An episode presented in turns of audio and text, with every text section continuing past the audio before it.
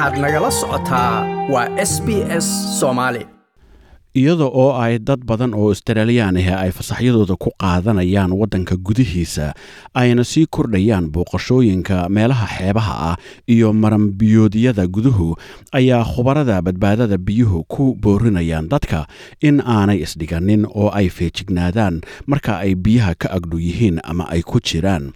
Australia waxay adduunka caan kaga tahay xeebaheeda quruxda badan. Nasiib darase waxay kale oo xeebahaasi yihiin kuwo halis badan oo lagu dhinto. Tirakoob ay soo saartay royal life saving society australia ayaa lagu muujiyey in labiyo tobankii bilood ee la soo dhaafay ay laba boqol iyo afariyo sagaashan qof biyo liqeen oo ay ku dhinteen taas oo ah mid boqolkiiba labaatan ka badan tiradii dhimashooyinka biyaha ee sannadkii ka sii horreeyey oo ahayd laba boqol iyo shan iyo afartan. Warbixintan oo ka mid ah taxanaha settlement guide oo s b s ugu talagashay dadka waddanka soo dega ayaanu ku eegaynaa arrintaa laba arrimood baa ka soo baxay warbixintaas la soo saaray tan hore oo ah in dhimashada dadka biyaha ku haftay ay kor u kacday kadib xayiraadihii lagu soo rogay guud ahaan dalka iyo tan labaad oo ah in dad badani fasaxyadoodii ku qaateen waddanka gudihiisa kuna dabaasheen meelo aanay aqoon u lahayn oo aan ammaanka biyahana la kormeerin. Stacy pichon oo ka tirsan royal life saving society australia ayaa sheegtay in dadka ku dhintay biyaha qaar badan oo ka midahi ahaayeen dadka u soo guuray waddanka ama dhowaanba soo galay We've done a 10 year drowning analysis of people who were born overseas, um, which did show that 27%. waxaanu dadka waddanka dibaddiisa ku dhashay ku samaynay falanqayn tobankii sano ee ilaa tobankii taas oo muujisay in toddoba iyo toban boqolkiiba wadarta guud ee dhimashadu ay ahayd dad ku dhashay waddanka dibaddiisa ayay tidhi. Stacy pichon ayaa intaa ku sii dartay in sababaha ugu waaweyn ee dhimashada badani tahay khibrad la'aanta dabaasha iyo sidoo kale khibrad la'aanta xeebaha.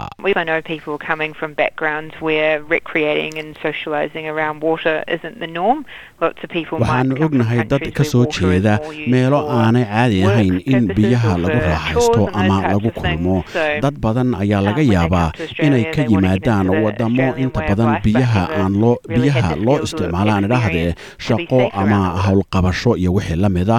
Marka dadku yimaadaan australiyana waxay rabaan in ay ku dhaqmaan habnololeedka australia laakiin xirfad iyo khibrad midna uma laha sida loogu badbaado biyaha ayay tiri waxaa kale oo jira qodobo kale oo muhiim ah oo sahla in dadku biyaha ku qaraqmaan Well, um, and that's for people of all waxaanu backgrounds, kale oo ognahay in khamrigu qayb weyn um, a ka qaato ku qarqashada biyaha taas oo ay u siman yihiin dhammaan dadku. Meeshay doontaba ha ka soo jeedeene nasiib xumo khamrigu waa mid ku lug leh korodhka dhimashada biyaha ayay tiri clinton rose waxa uu maamulo guud oo adeegyada xeebaha u yahay northern beach council. Xeebaha uu adeegooda maamulana waxaa ka mid a tan caanka ah ee la yidhaahdo manly surf beach. Waxa uu sheegay inay jiraan fariimo cadcad oo ay tahay in dadku raacaan si ay ugu nabad galaan dabaasha. Don't swim unless there's some flags up and make sure that you swim between the flags. ha Get those dabaalanin basic ilaa aad aragto calamo taagan. kuna dabaalo yourself. u dhaxaysa calamada baro fariimahaas asaasiga ah. Dabaashana baro ku raaxayso imow xeebta laakiin waa inaad marka hore taqaano dabaasha ayuu yidhi.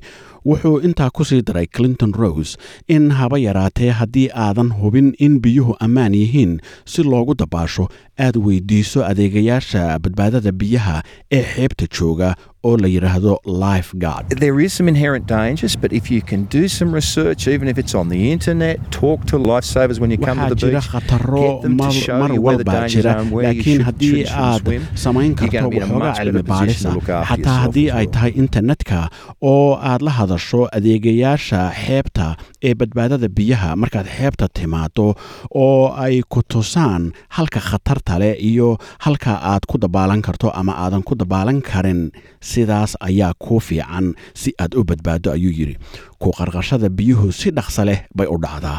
Ilaa hal daqiiqo gudaheed ayuu qof qaangaadh ahi ku miyir doorsoomi karaa. Taasina waa sababta ay muhiim u tahay in aad markiiba kaalmo u qayshato ayuu yidhi clinton rose. First thing is do not panic because if you panic, what happens is you use up a lot of energy. waxa ugu horeysa ee aad samaysaa waa in aadan argagixin. waayo waxaa dhacaysa in aad isticmaasho tamar badan oo ay oksijiintu ka yaraato maskaxdaada oo aad markaa si degan u fikiri weydo sida markaa ugu wacani of waa in aad dabardhabar u dabaalato oo aad inta tamartaada isku daydo inaad biyaha dul sabayso most important isla thing is markaana aad gacmaha kor u taagto oo u qayshato kaalmo. Markaad ogaato in xaaladdu kugu xun tahay embarrassed. ceeb Make ha sure you ask moodini for help waa in aad u qayshataa kaalmo ayuu yidhi.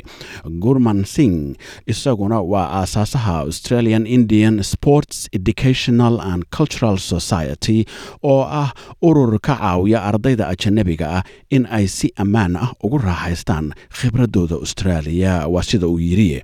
Waxa uu sheegay in uu ururkiisan aan faa'iidadoonka ahayn uu dadka austraaliya ku cusub ka caawiyo fahamka dhaqanka u gaarka ah xeebaha austraaliya iyo halista mawjadaha si ay si buuxda ugu raaxaystaan. Waxauna intaa ku daray in dadka waddanka ku cusub qaarkood ay naftooda halis u geliyaan aqoon darro awgeed. Uh, only I'm talking about swimming. Maybe some people they just go for extra kama hadlayo dabaasha oo keliya.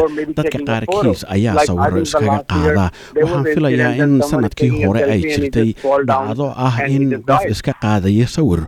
Ah uu ku dhacay biyo hoos u dheer una ku dhintay ayuu yidhi gorman singh ayaa taladan u soo jeedinaya dhammaan dadka aada xeebaha Always uh, remember the golden rule to stay safe.